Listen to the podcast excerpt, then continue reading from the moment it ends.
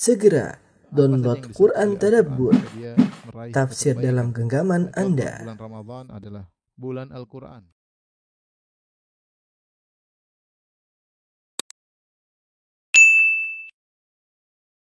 Bismillahirrahmanirrahim. Assalamualaikum warahmatullahi wabarakatuh. Alhamdulillahi ala ihsanih wa syukru lahu ala taufiqihi wa amtinanih wa asyhadu an la ilaha illallah wahdahu la syarika lahu ta'ziman li sya'ni wa asyhadu anna Muhammadan abduhu wa rasuluhu da'ila ridwani Allahumma salli alaihi wa ala alihi wa ashabi wa ikhwani.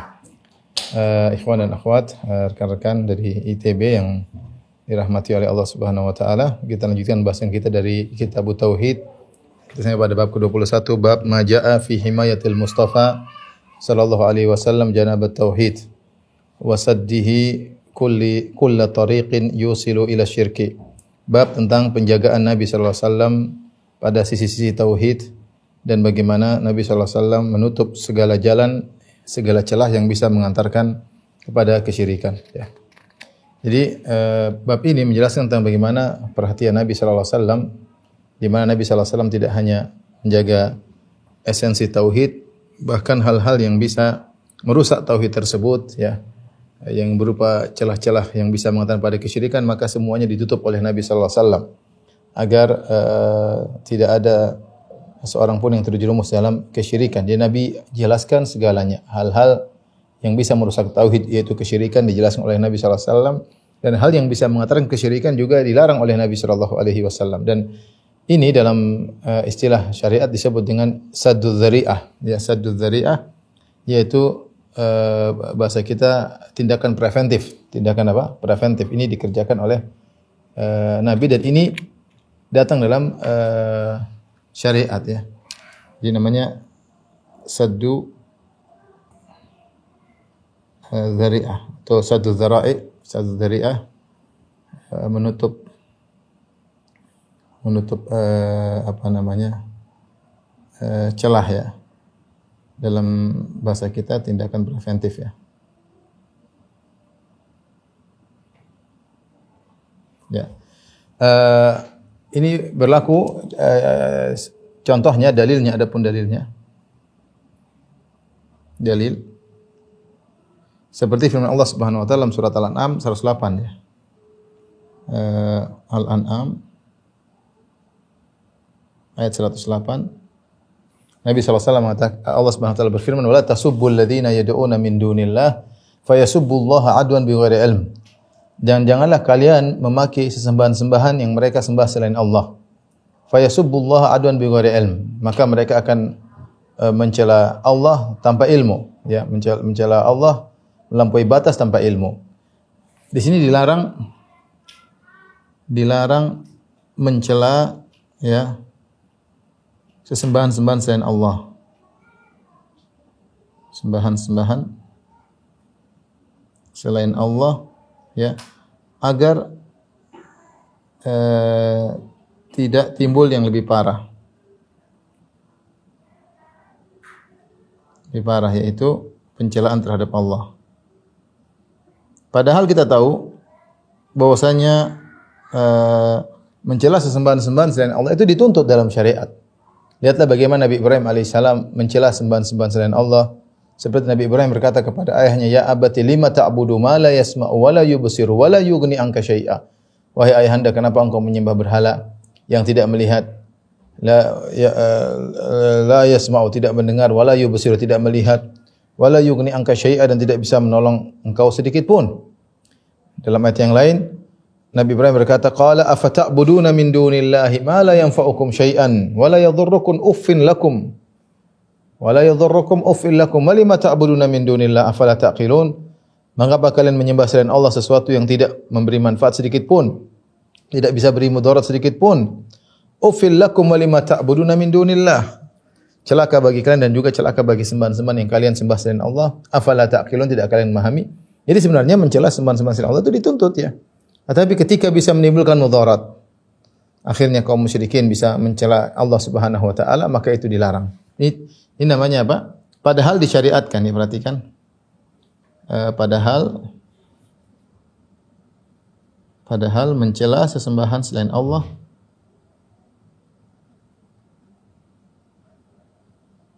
selain Allah asalnya disyariatkan. Tapi dilarang karena untuk preventif. Contoh yang kedua, dalil yang kedua, seperti dalam surat Al-Baqarah 104. Surat Al-Baqarah 104 ya. Allah mengatakan, "Ya ayyuhalladzina amanu la taqulu ra'ina wa qulu unzurna wasma'u." Wahai orang yang beriman, janganlah kalian berkata ra'ina. Ra'ina dalam bahasa Arab artinya adalah perhatikan kami wahai Rasulullah. Wa qulu wala wa qulu unzurna. Ya. Walakin qulu ya ayyuhalladzina amanu la taqulu ra'ina wa qulu unzurna wasma'u. Tapi ucapkanlah unzurna perhatikan kami wasma'u dan dengarlah. Walil kafirin adzabun alim bagi orang kafir azab yang pedih. Di sini para sahabat dilarang untuk mengucapkan ra'ina. Ra'ina ra'ina ya. Dalam bahasa Arab dalam bahasa Arab artinya perhatikanlah kami.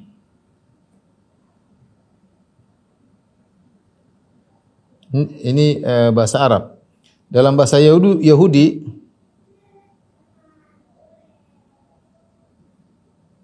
Ibrani artinya ya ahmak, artinya ya ahmak. Wahai si bodoh.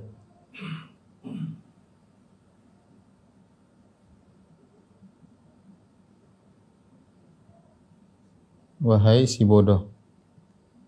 Si tolol atau si pandir. Uh, jadi para sahabat ketika mengatakan kepada Nabi, wahai Rasulullah ra'ina, wahai Rasulullah perhatikanlah kami. Ini perkataan yang boleh. Ini asalnya adalah perkataan yang mubah perkataan yang mubah. Yang boleh. Tetapi ketika bisa dia dipahami jadi bahan ejekan oleh orang Yahudi maka Allah melarang. Allah suruh ganti roh ini dengan undurna. Akan tetapi bisa dijadikan bahan bahan ejekan oleh kaum Yahudi.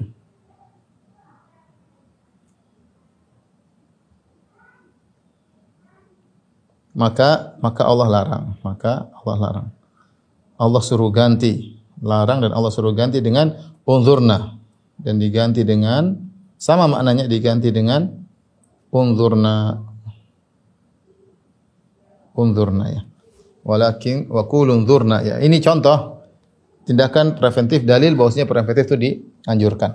Yang kedua, uh, kita sebutkan contoh praktek ya.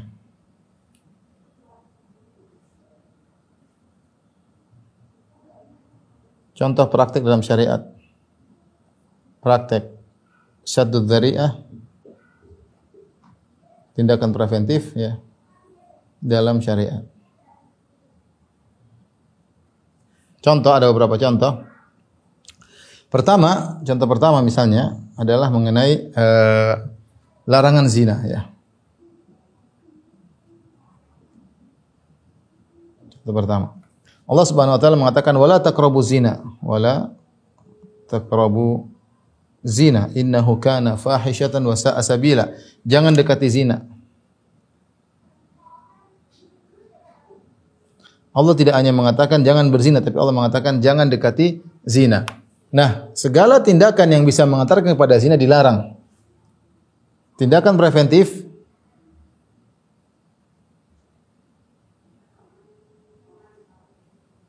maka dilarang hal-hal berikut.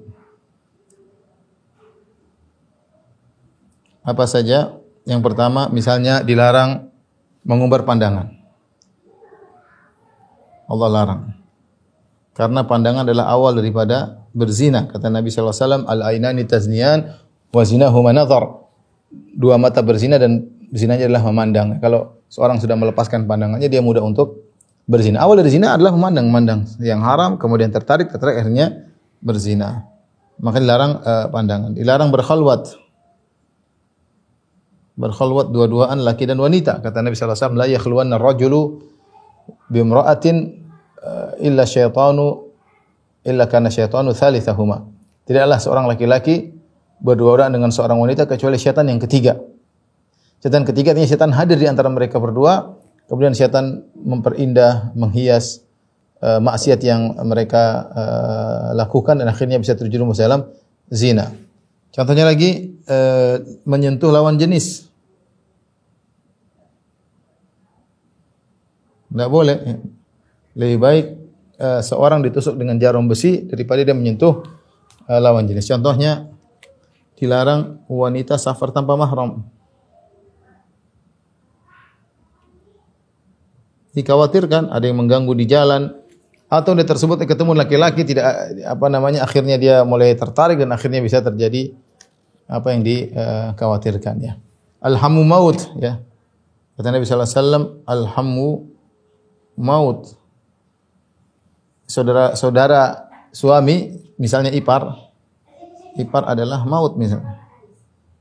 Jangan menggampang-gampangkan Ya, bisa jadi eh, saudara suami laki-laki, adik ipar laki-laki tertarik atau kakak ipar tertarik pada seorang wanita. Jangan dibiarkan berdua. Ya, ini contoh bahwasanya uh, syariat mengharamkan zina dan mengharapkan segala tindakan yang bisa mengantar pada zina, tindakan preventif. Uh, selain larangan zina, contoh misalnya larangan bertikai.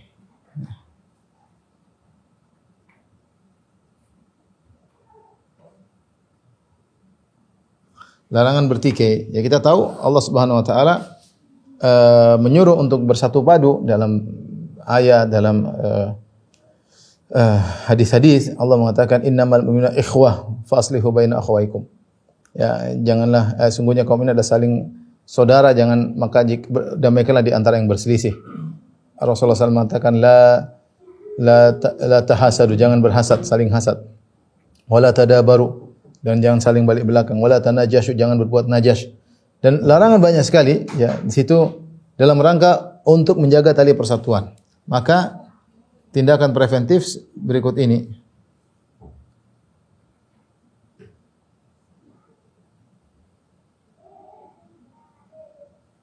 Dilarang hal-hal berikut banyak sekali ini demi demi untuk menjaga tali persatuan dan dilarangannya pertikaian ya. Contohnya apa? Ghibah. Larang, namimah, ngadu domba ya. Tajassus ya. Apa namanya? cari-cari tahu ya kesalahan orang ini ya dilarang ya. Ngejek ya, sab, mencaci. Istihza, menghina, merendahkan, La ta'yaskhar qaumun min qaumin. Jangan sekelompok muslimin mengejek yang lain, merendahkan. Al muslim la yahkira akhahu. Jangan seorang merendahkan saudaranya. Ini semua dilarang. Ya, semua di dilarang. Kemudian juga uh, wala tanabazu bil alqab, ya. Memanggil dengan gelaran buruk, menggelari dengan gelaran-gelaran buruk. Ini semua dilarang ya. Eh, ghibah namimah tajasum mencaci mencaci menghina merendahkan. Uh, kata Nabi sallallahu alaihi wasallam sibabul muslim fusuqun. Uh, mencaci maki muslim adalah kefasikan. Memberi gelaran wala tanabuz bil alqab. Tidak boleh menggelar gelaran yang buruk. Contoh lagi misalnya tidak membeli membeli di atas pembelian saudara. Menjual di atas penjualan saudara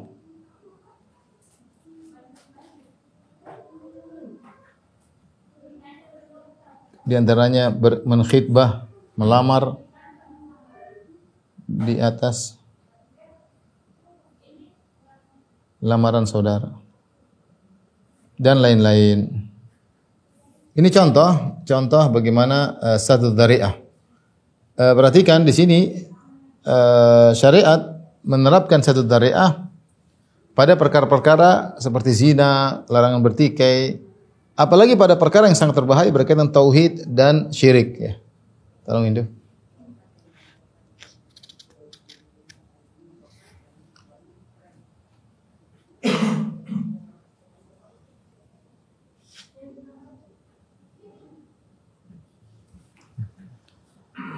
Uh, maka demikian juga ya penerapan satu zariah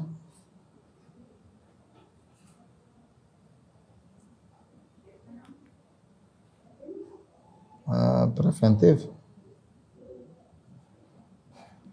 pada kesyirikan. Rasulullah SAW mengharamkan banyak perkara yang apa namanya uh, bisa mengantar pada kesyirikan ya. Hadis-hadis Nabi, tindakan Nabi.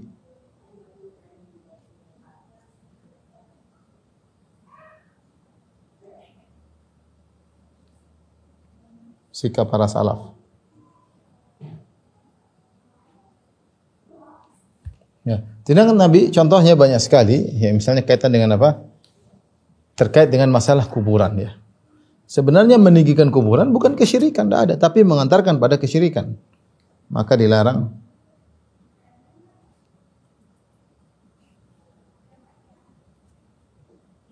Maka dilarang. Mendidikan kuburan Toh. Kemudian menulis di kuburan. Ini semua tindakan preventif. Menulis di kuburan. Kemudian menyemen kuburan. Ini terkait semua dengan uh, apa namanya kuburan ya. Memasang lampu di kuburan dilarang.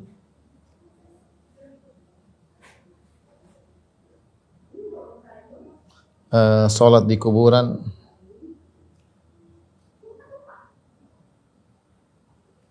Salat ke arah kuburan.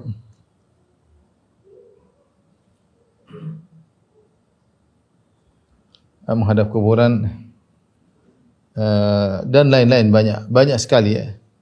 Nanti belum berkaitan dengan uh, syirik-syirik berkaitan dengan lafal. Tapi intinya Nabi SAW melakukan ini semua dalam rangka untuk mencegah terjadinya kesyirikan. Sikap para salaf contohnya sikap Umar ini sudah pernah kita sampaikan pada pertemuan lalu. Sikap Umar bin Khattab radhiyallahu anhu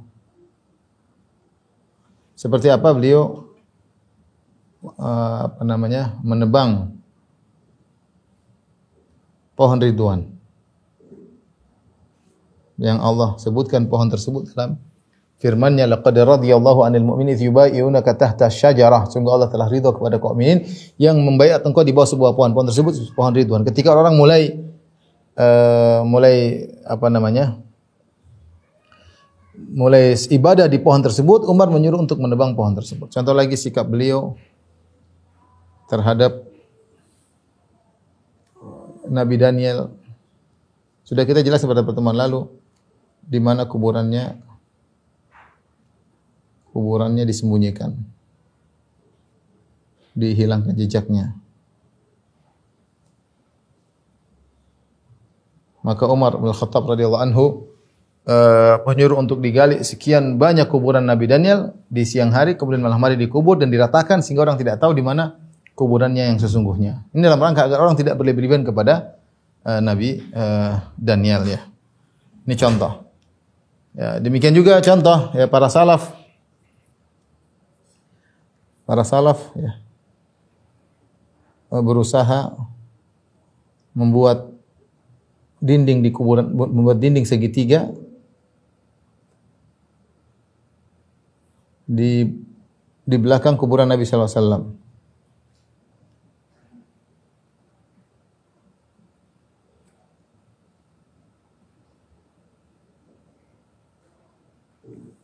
Artinya kalau ini kuburan Nabi SAW, misalnya ini kiblat, ini selatan, selatan itu kiblat di Madinah. Maka ini kuburan Nabi SAW misalnya. Maka dibuatlah segitiga seperti ini, ini dinding.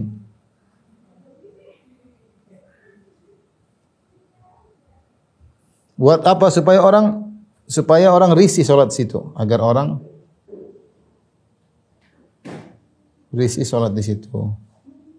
Karena orang biasanya kalau mau salat tuh cari dinding yang datar. Ini dia antara usaha para salaf agar menutup segala celah-celah yang menuju kepada uh, kesyirikan ya. Taib eh, saya katakan tadi jika ternyata untuk masalah zina dan masalah eh, pertikaian saja Nabi menutup segala celah apalagi masalah eh, kesyirikan. Demikian juga sikap Umar sebagaimana kita sampaikan pada pertemuan sebelumnya yaitu ketika Umar melihat orang sengaja untuk datang ke tempat Nabi pernah salat situ dengan sengaja menunggu waktu salat maka Umar mengatakan inna ma ahlaka man kana qablakum. Sungguh yang binasakan umat-umat terdahulu adalah ittiba'uhum athara anbiya'ihim yaitu ikut-ikut tadi cari-cari tempat yang pernah disinggahi oleh nabi-nabi mereka. Kata Umar itu sebab kebinasaan.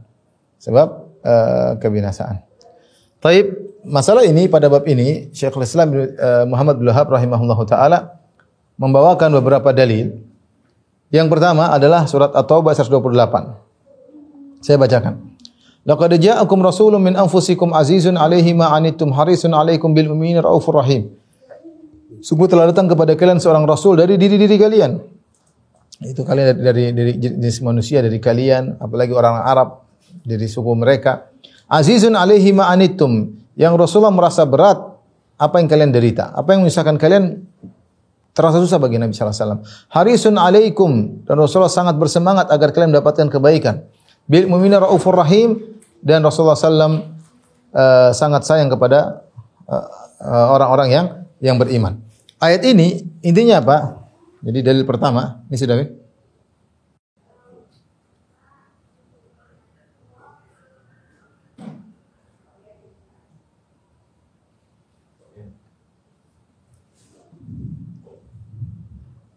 Dalil pertama.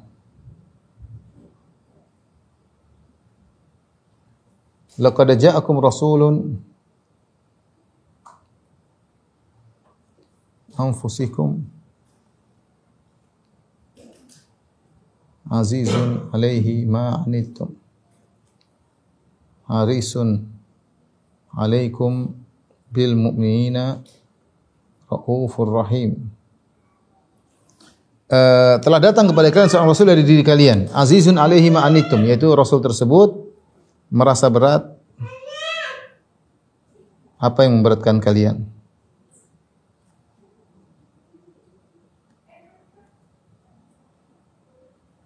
Harisun alaikum, sangat semangat. Ini sifat yang kedua, sangat semangat agar kalian dapat kebaikan.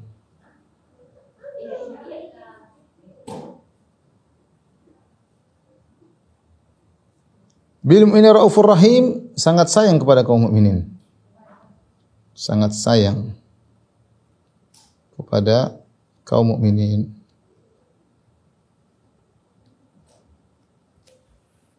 Keberadaan Nabi sallallahu alaihi wasallam nikmat. Makanya Allah mengatakan mu'minin id ba'atsa fihim rasulan min anfusihim. Sungguh Allah telah memberi anugerah kepada kaum mukminin tatkala Allah mengutus kepada mereka seorang rasul dari diri mereka. Rasulullah SAW merasa berat apa yang beratkan kalian, sangat semangat kalian dapat kebaikan, sangat sayang kepada mukmin. Tiga sifat ini. Satu, dua, uh, dua, tiga. Ini menunjukkan ya mengkonsekuensikan apa pun kebaikan akan dijelaskan oleh Nabi. Semampu Nabi Shallallahu Alaihi Wasallam. Apa pun keburukan akan bisa dijelaskan oleh Nabi. Karena Nabi sifatnya demikian, sangat semangat. Makanya dalam hadis uh, kata Rasulullah sallam, "Ma baqiya syai'un yuqarribu minal jannah wa yubaidu minan nar illa waqad buyina lakum." Perhatikan kata Nabi. Tidak tersisa apa pun tidak tersisa apa pun, suatu apa pun. Ma baqiya syai'un. Ini apa namanya? Uh, penafian, nakir dalam konteks penafian berikan faedah umum. Ma baqiya syai'un, tidak ada suatu pun yang tersisa. Yuqarribu minal jannah yang bisa mendekatkan kepada surga dan bisa menjauhkan dari neraka kecuali telah dijelaskan. Sudah, semua kebaikan telah dijelaskan, semua keburukan telah dijelaskan. Yang mendekatkan kepada surga telah dijelaskan, menjauhkan dari neraka juga sudah jelaskan. Ketika ada seorang musyrik bertanya kepada Salman Al-Farisi, ya, laqad 'allamakum nabiyyukum kulla syai'in hatta al-khira'ah. Apakah Nabi kalian mengajarkan kepada kalian segala sesuatu sampai ada qada'il hajat, sampai ada ada buang hajat? Nabi sampai seperti itu? Kata Salman, ajal benar. Rasulullah mengajarkan kami segala sesuatu sampai masalah buang hajat. Laqad nahana an nastaqbil al-qiblata li ghaitin aw baulin. Rasulullah telah melarang kami untuk menghadap kiblat Ketika buang air besar atau bu- buang air kecil, Rasulullah ajarkan. Ya. Kalau masalah buang hajat saja Rasulullah SAW ajarkan, apalagi yang berkaitan dengan peribadatan. Kalau masalah buang hajat saja ada buang hajat Rasulullah SAW ajarkan adab makan, apalagi ada yang berkaitan dengan masalah peribadatan kepada Allah, masalah tauhid dan kesyirikan. Pasti Rasulullah SAW ya menjelaskan dengan sangat sangat detail. Makanya kalau kita lihat hadis-hadis yang berkaitan dengan tauhid sangat detail, itulah yang dikumpulkan oleh Syekh Muhammad bin Wahab rahimahullah dalam Kitab Tauhid. Sampai bagaimana larang-larangan secara secara detail ya. Kemudian dalil kedua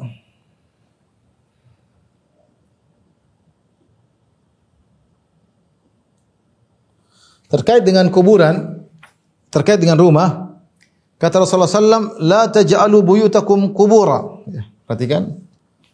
Dalil kedua, la taj'alu buyutakum kubura. Wala taj'alu qabri aidan. Wala taj'alu qabri aidan. Wa sallu alayya fa inna salatakum tablughuni haitsu kuntum. Sallu alayya fa inna salatakum tablughuni haitsu kuntum. Lihat kata Nabi SAW, jangan jadikan rumah kalian sebagai kuburan.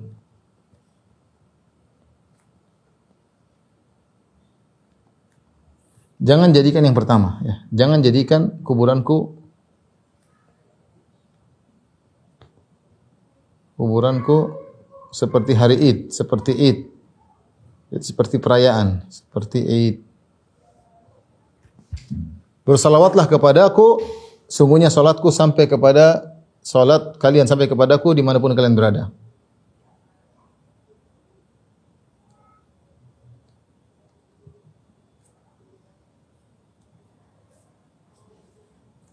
Salawat kalian sampai kepadaku di mana pun kalian berada.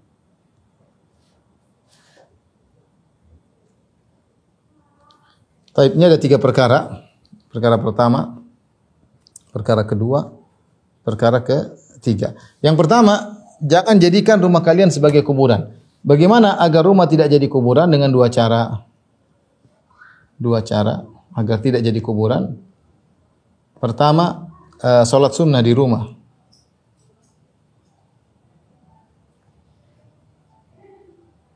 Yang kedua adalah baca Quran di rumah.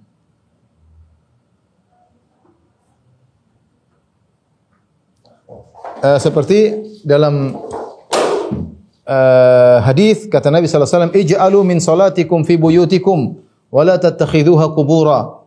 Kata Nabi jadikanlah sebagian salat kalian di rumah kalian, jangan jadikan rumah kalian seperti kuburan. Jadi kalau supaya rumah tidak jadi kuburan, salat sedikit salat, salat sunnah ke, salat duha ke, salat qiyamul lail, maka tidak akan menjadi kuburan, ya. Yang kedua, uh, baca Quran. Kata Nabi wasallam, "La taj'alu buyutakum maqabir." Jangan kalian jadikan rumah kalian sebagai kuburan. Inna syaitana yanmi firu minal baiti alladhi tuqra'u fi suratul Baqarah. Sungguhnya setan lari dari rumah yang dibacakan padanya surat Al-Baqarah, ya. Ini dalil bahwasanya rumah supaya tidak jadi kuburan dua caranya. Di salat sunnah di situ, kemudian baca Quran di situ. Kalau ada rumah tidak dibacakan Quran, tidak salat, maka seperti kuburan. Ini dalil isyarat bahwasanya kuburan bukan tempat baca Quran. Isyarat bahwa kuburan bukan tempat sholat dan bukan tempat baca Quran. Jangan sampai di mengatakan baca Quran, perhatikan ya. Jangan sampai kita mengatakan baca Quran di kuburan lebih afdal. Ya. Ini tidak tidak ada berpendapat demikian. Baca Quran di, kuburan lebih afdal. Namun tidak kita pungkiri bahwasanya sebagian madhab syafi'iyah berpendapat bahwasanya seorang dianjurkan baca Quran di kuburan agar penghuni kuburan merasa nyaman, merasa dapat keberkahan. Tapi bukan baca Quran karena di kuburan di, di baca Quran di kuburan karena lebih afdal di kuburan tidak, bukan demikian. Jadi mereka uh, ada pendapat di kalangan madhab syafi'iyah yaitu uh, di antara kita memberi manfaat kepada mayat Caranya bagaimana? Adalah dengan kita baca Quran buat mereka di kuburan. Mereka berdalil dengan hadis uh, yang Nabi membelah korma, Nabi tanam di kuburan, kemudian uh, para sahabat bertanya, "Ya Rasulullah, lima fa'alta hadza? Kenapa Anda melakukan demikian?"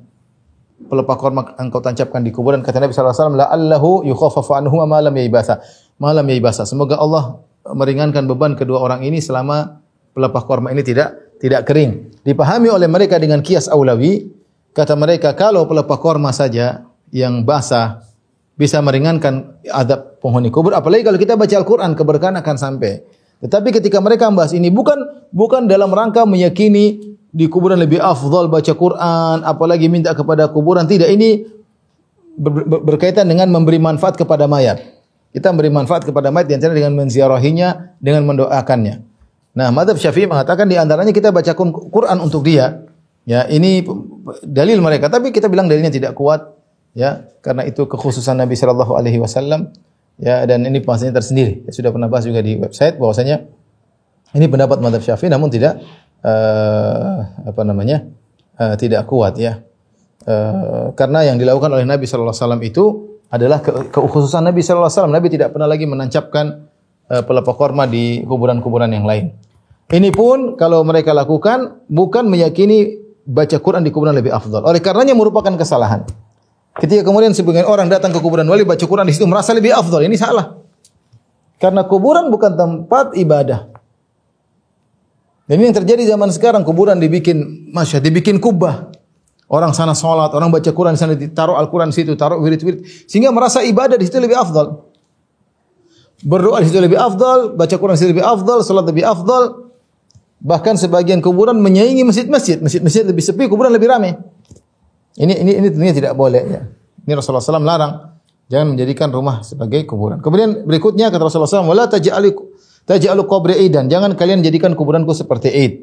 Eid yaitu seperti hari raya. Di sini ada beberapa uh, uh, pembahasan ya tentang apa yang dimaksud dengan menjadikan kuburan menjadi Eid ya. Kuburan Nabi menjadi Eid tidak boleh ya. Maknanya di antaranya makna maknanya adalah satu misalnya uh, sering mengunjungi kuburan Nabi sering ya untuk bersalawat. Ini tidak boleh. Ya uh, atau mengucapkan salam atau mengucapkan salam. Sering sekali. Di antara makna jangan kau jadikan kuburan kuburanku sebagai id. Yang kedua uh, maknanya adalah sengaja rame-rame kumpul untuk ziarah bareng-bareng ya. Uh, seperti hari Id ya. Rame-rame seperti hari Id uh, menyengaja untuk mengunjungi kuburan Nabi rame-rame seperti hari Id. Ini disebutkan uh, bikin perayaan ya untuk ziarah kuburan Nabi. Saya akan bacakan perkataan para ulama tentang masalah ini. Uh, di antaranya, ya ini di antara uh, kuburan Nabi berkumpul pada bulan tertentu, bulan atau tahun atau waktu tertentu. Ini tidak tidak diperbolehkan ya.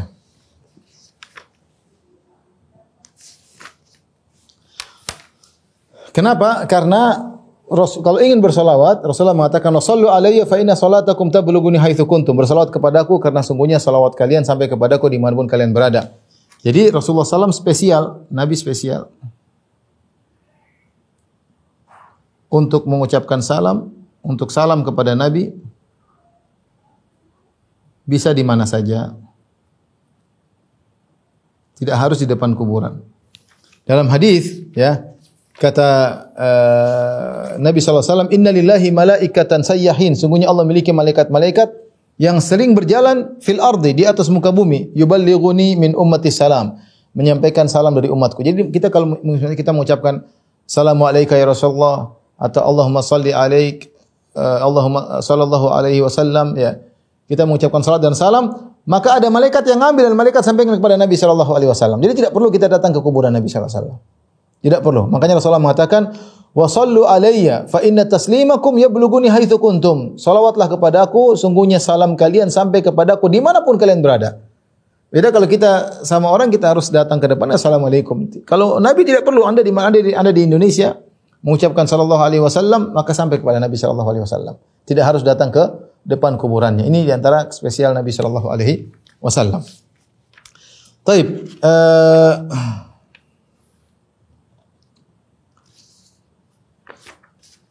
para sahabat mereka sangat cinta kepada Nabi sallallahu alaihi wasallam ya. Tetapi mereka tidak pernah menyengaja untuk selalu datang ke kuburan Nabi sallallahu alaihi wasallam. Mereka tidak melakukan demikian ya. Karena mereka tahu Rasulullah SAW melarang kuburan Nabi dijadikan id ya. Saya bacakan satu hadis yang diriwayatkan oleh Ali bin Hussein. Ali bin Hussein bin Ali bin Abi Thalib radhiyallahu taala anhum. Ya, Ali bin Hussein Zainal Abidin, cucunya Ali bin Abi Thalib. Namanya Ali bin Hussein bin Ali. Dia bercerita, suatu hari dia melihat seorang masuk di dalam celah-celah yang ada pada kuburan. Jadi ada dalam kuburan ada celah-celah dia masuk. Kemudian berdoa di situ. Ada orang sengaja ke kuburan Nabi untuk berdoa. Maka ia pun melarang orang tersebut. Ali bin Husain melarang dan dia berkata, "Maukah kamu aku beritahu sebuah hadis yang aku dengar dari bapakku, dari kakekku, dari Rasulullah wasallam?" Yaitu disebutkan sanatnya. Dari bapakku yaitu Husain, dari kakekku Ali bin Abi Thalib, dari Nabi wasallam. Ini silsilah Ahlul Bait. Jadi dilihat ada orang masuk sengaja masuk ke celah kuburan Nabi kemudian berdoa di situ. Maka dia tegur. Dia bilang, "La tattakhidhu" Rasulullah bersabda, "La tattakhidhu qabri idan." Wala buyutakum kubura. Jangan kalian menjadikan kuburanku sebagai id. Ya.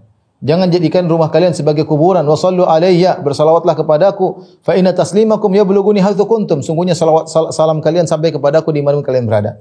Di sini Ali bin Husain memahami bahwasanya di antara uh, menjadikan kuburan Nabi sebagai id adalah sengaja berdoa di situ. Yang ketiga, sengaja berdoa di kuburan Nabi. Sebagaimana yang dipahami oleh Ali bin Husain. Makanya dia tegur orang tadi yang sengaja berdoa, dia ingatkan, maukah aku sampaikan kepada engkau hadis dari bapakku, dari kakekku, dari Nabi. Rasulullah berkata, la tattakhidhu qabri idan. Jangan kau jadikan kuburanku sebagai id. Ya. Ini yang menyampaikan hadis ini adalah orang yang paling tahu tentang syariat Nabi perkara ini. Ya, paling tahu kenapa yang meriwayatkan adalah silsilah ahlul bait dari Ali, dari Husain bin Ali, dari Ali bin Abi Thalib, dari Nabi sallallahu alaihi uh, wasallam. Ya.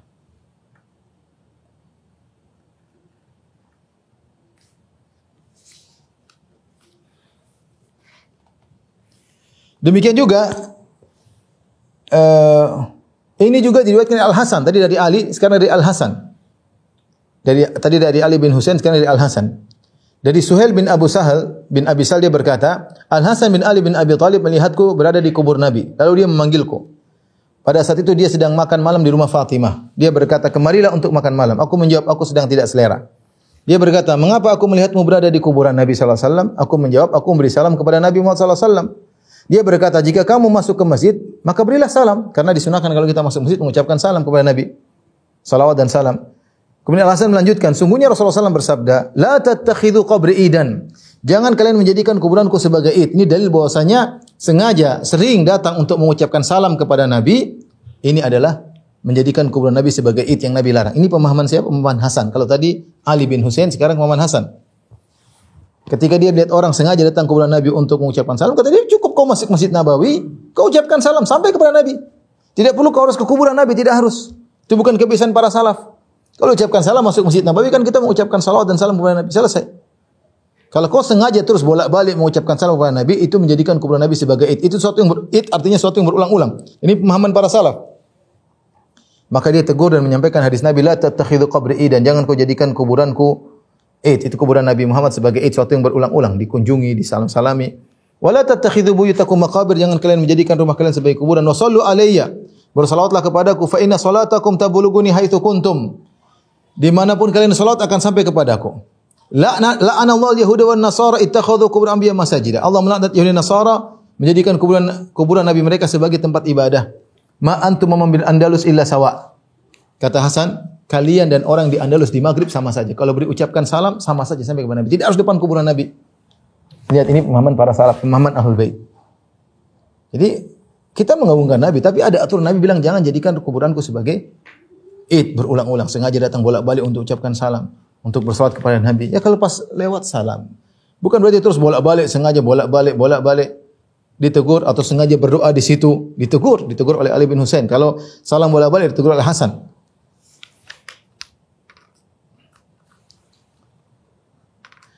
Di antara para sahabat tidak biasa datang ke kuburan Nabi sallallahu alaihi wasallam kecuali Ibnu Umar. Dari Ma'mar, dari Ayub, dari Nafi beliau berkata, "Kana Ibnu Umar idza qadima min safarin ata qabran Nabi sallallahu alaihi wasallam faqala assalamu alayka ya Rasulullah, assalamu alayka ya Bakar, assalamu alayka ya Abatah." Ibnu Umar kalau pulang safar, dia dia kalau pulang safar sengaja dia mampir kuburan Nabi. Tapi bukan tiap hari, bukan. Kalau lagi pulang safar, dia menyempatkan seakan-akan baru masuk dari kota dari luar kota Madinah kemudian masuk kemudian mengucapkan salam dia datang kepada Nabi assalamualaikum ya Rasulullah kemudian mengucapkan salam kepada Abu Bakar mengucapkan salam kepada ayahnya Umar Qala Ma'mar fadzarkartu dzalika li Ubaidillah bin Umar maka aku sampaikan ini kepada Ubaidillah bin Umar Ubaidillah bin Umar itu saudara saudaranya saudaranya Abdullah bin Umar anaknya Umar sama-sama kata dia mana alamu ahadan min ashabi Nabi sallallahu alaihi wasallam fa'ala dzalika ila ibnu Umar kami tidak mengetahui para sahabat melakukan seperti ini kecuali Ibnu Umar. Para sahabat pulang safar, enggak ada yang datang ke kuburan Nabi kecuali Ibnu Umar. Ini pun kalau pulang safar.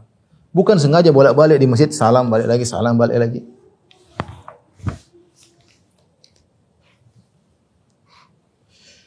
Berkata Imam Malik, Imam Malik siapa? Imam Darul Hijrah, imamnya kota Madinah. Ini katanya berlebihan terhadap kuburan Nabi tidak boleh. Imam Darul Hijrah, Imam Malik berkata, "Walaysa yalzam man dakhala al-masjid wa kharaja minhu min ahli Madinah al-wuquf bil qabr. Wa inna dzalika lil ghuraba." Tidak lazim bagi orang yang masuk masjid, penduduk Madinah yang masuk masjid keluar dari Masjid Nabawi untuk berdiri depan kuburan. Itu bukan kebiasaan penduduk Madinah. Inna dzalika lil ghuraba. Ini boleh bagi orang yang orang asing datang tidak pernah lihat kuburan Nabi kemudian di situ ya Faqila lahu inna nasan min ahli la yaqdimuna min safar wa la yuridunahu illa yaf'alun dzalika fil yawm marrah. Ya, atau aktsar fa yusallimun yad'una sa'atan. Maka dikatakan kepada Imam Malik, sungguhnya sekelompok orang dari penduduk Madinah tidaklah mereka baru datang dari safar atau mereka hendak safar kecuali mereka melakukan hal tersebut sehari sekali, ya. Kalau mau safar mereka kuburan Nabi, pulang dari safar mereka kuburan Nabi, sekali atau dua kali mereka lakukan. Mereka ber, mengucapkan salam dan mereka berdoa beberapa waktu, maka apa kata Imam Malik lam yablugni hadza an ahadin min ahli fiqhi bi baladina. Tidak ada satu orang ahli fikih pun yang menyampaikan hal ini kepadaku tentang perbuatan tersebut. Kemudian beliau ingatkan, wala yuslihu akhir hadhil umma illa ma aslaha awalaha. Tidak akan bisa memperbaiki umat ini kecuali dengan apa yang telah memperbaiki umat terdahulu. Ya. Jadi beliau eh, menegur hal tersebut. Walam yablugni an awali hadhil umma wa sadri annahum kanu yaf'aluna dzalik. Dan tidak sampai kepada aku bahwasanya para salaf dahulu melakukan seperti ini. Setiap mau safar uh, ucapkan salam, bolak-balik ucapkan salam kepada Nabi sallallahu alaihi wasallam. Wa yukrahu dzalika illa liman ja'a min safar. Eh, ini makruh kecuali orang yang mau safar atau pulang dari safar, Imam Malik masih mengatakan boleh. Adapun bolak-balik situ tanpa ada sebab, ya maka ini termasuk menjadikannya sebagai id. Uh, oleh karenanya Al-Munawi mengambil faedah dari hadis ini Al-Munawi adalah salah seorang ulama bermadzhab Syafi'i yang punya kitab Faidul Qadir, Faidul Qadir dia berkata, sabda Nabi sallallahu alaihi wasallam, "La tattakhidhu qabri Aidan, jangan kalian menjadikan kuburanku sebagai id. La tattakhidhu qabri madhhara idin. Jangan kalian menjadikan kuburanku seperti kondisi hari raya. Wa maknahu adapun maknanya an-nahyu anil ijtima' larangan untuk berkumpul-kumpul li ziyaratihi ijtima'um lil id berkumpul-kumpul rame-rame untuk ziarah Nabi seperti kumpul-kumpul untuk hari id imma lidaf'il masyaqqah kan hal ini merepotkan au karahata an yattajawaza wahidut ta'zim atau dikhawatirkan seorang berlebih-lebihan dalam pengagungan. Rasulullah larang. Jadi jangan orang di antara makna menjadikan kuburan Nabi sebagai id adalah rame-rame kumpul seperti hari raya kemudian datang kuburan Nabi ini dilarang karena ini pertama bisa jadi karena repot yang kedua bisa jadi berlebihan dalam mengagungkan Nabi sallallahu alaihi wasallam. Nabi tidak suka hal tersebut. Beliau juga mengatakan, yu'khadhu minhu an ijtima' al-'amma fi ba'd al-adrihatil awliya fi yawmin aw shahrin makhsusin min as-sanah. Wa yaquluna hadha yawmu maulid asy-syekh wa ya'kuluna wa yashrabuna rubbama yarqusuna manhiyun anhu syar'an. Dari ini kita juga mengambil faedah bahwasanya berkumpulnya orang-orang awam pada sebagian kuburan wali-wali ya pada hari tertentu atau bulan tertentu setiap tahun mereka sengaja datang hari tertentu atau bulan tertentu dan mereka mengatakan adalah hari lahirnya Syekh si fulan eh, wali tersebut lalu mereka makan lalu mereka minum terkadang mereka joget di situ. Ini perkara yang dilarang secara syariat. Tidak boleh. Wa ala wali syara' rad'uhum dan bagi waliul amr untuk me- melarang mereka wa inkaruhu alaihim wa dan harus mengingkari perbuatan mereka. Jangan dibiarkan. Karena seakan-akan kalau artinya apa? Kalau nabi saja tidak boleh dijadikan kuburannya sebagai id apalagi kuburan-kuburan wali-wali selain nabi sallallahu alaihi wasallam ya. Taib eh, ini eh, yang kita bahas ya. Termasuk dalil dalil ketiga. Intinya Rasulullah SAW mencegah jangan sampai seorang berlebihan kepada beliau. Kalau kita tidak boleh berlebihan kepada Nabi SAW apalagi selain Nabi Shallallahu Alaihi Wasallam. Oleh karenanya ikhwan dan akhwat yang dirahmati Allah Subhanahu Wa Taala masalah kuburan adalah masalah yang uh, sensitif ya. Rasulullah SAW menganggapnya sesuatu yang sensitif maka Rasulullah SAW memasang aturan-aturan yang uh, berat tidak boleh ini, tidak boleh itu, tidak boleh ini agar orang tidak berlebihan kepada penghuni kubur. Ya. Uh, tidak boleh makanya kalau kita ingin lihat kuburan sesuai sunnah lihatlah kuburan Baqi bagaimana lihatlah kuburan syuhada Uhud bagaimana. Lihatlah kuburan syuhada Badar. Lihat biasa-biasa tidak ada tidak ditinggikan dikasih lampu di karena kalau sudah dikasih tinggikan di lampu orang akan datang ke situ. Hati mereka tergantung kepada mayat-mayat tersebut apalagi mayat tersebut mayat syuhada. Nabi saja untuk kuburannya dilarang. Jangan jadikan kuburan kuit kata Nabi. Jangan sengaja berdoa di situ. Tadi Ali menegur orang yang sengaja berdoa di kuburan Nabi. Jangan sengaja datang bolak-balik mengucapkan salam. Dia tadi Hasan menegur orang yang melakukan demikian. Jangan sengaja berkumpul pada bulan tertentu, hari tertentu untuk ziarah kuburan Nabi. Karena itu seperti Id. Kalau ini saja berlaku bagi kuburan Nabi, apalagi kepada selain kuburan Nabi Shallallahu Alaihi Wasallam. Sengaja datang bulan tertentu, kuburan wali ini, kuburan wali anu. Allah musta'an. Demikian saja. Uh, ikhwan akhwat yang rahmatillah subhanahu wa ta'ala. Uh, pembahasan tentang bagaimana Nabi SAW menutup celah-celah tauhid, terutama berkaitan dengan uh, pengagungan terhadap penghuni kubur. Bahkan kuburan beliau, beliau sangat tekankan. Jangan sampai dikultuskan. Apalagi selain Nabi Shallallahu Alaihi Wasallam. Allah alam bisawab demikian saja yang saya sampaikan pada kesempatan kali ini. Insyaallah kita nanti pada kesempatan lain. Wabillahi taufiq. Assalamualaikum warahmatullahi wabarakatuh.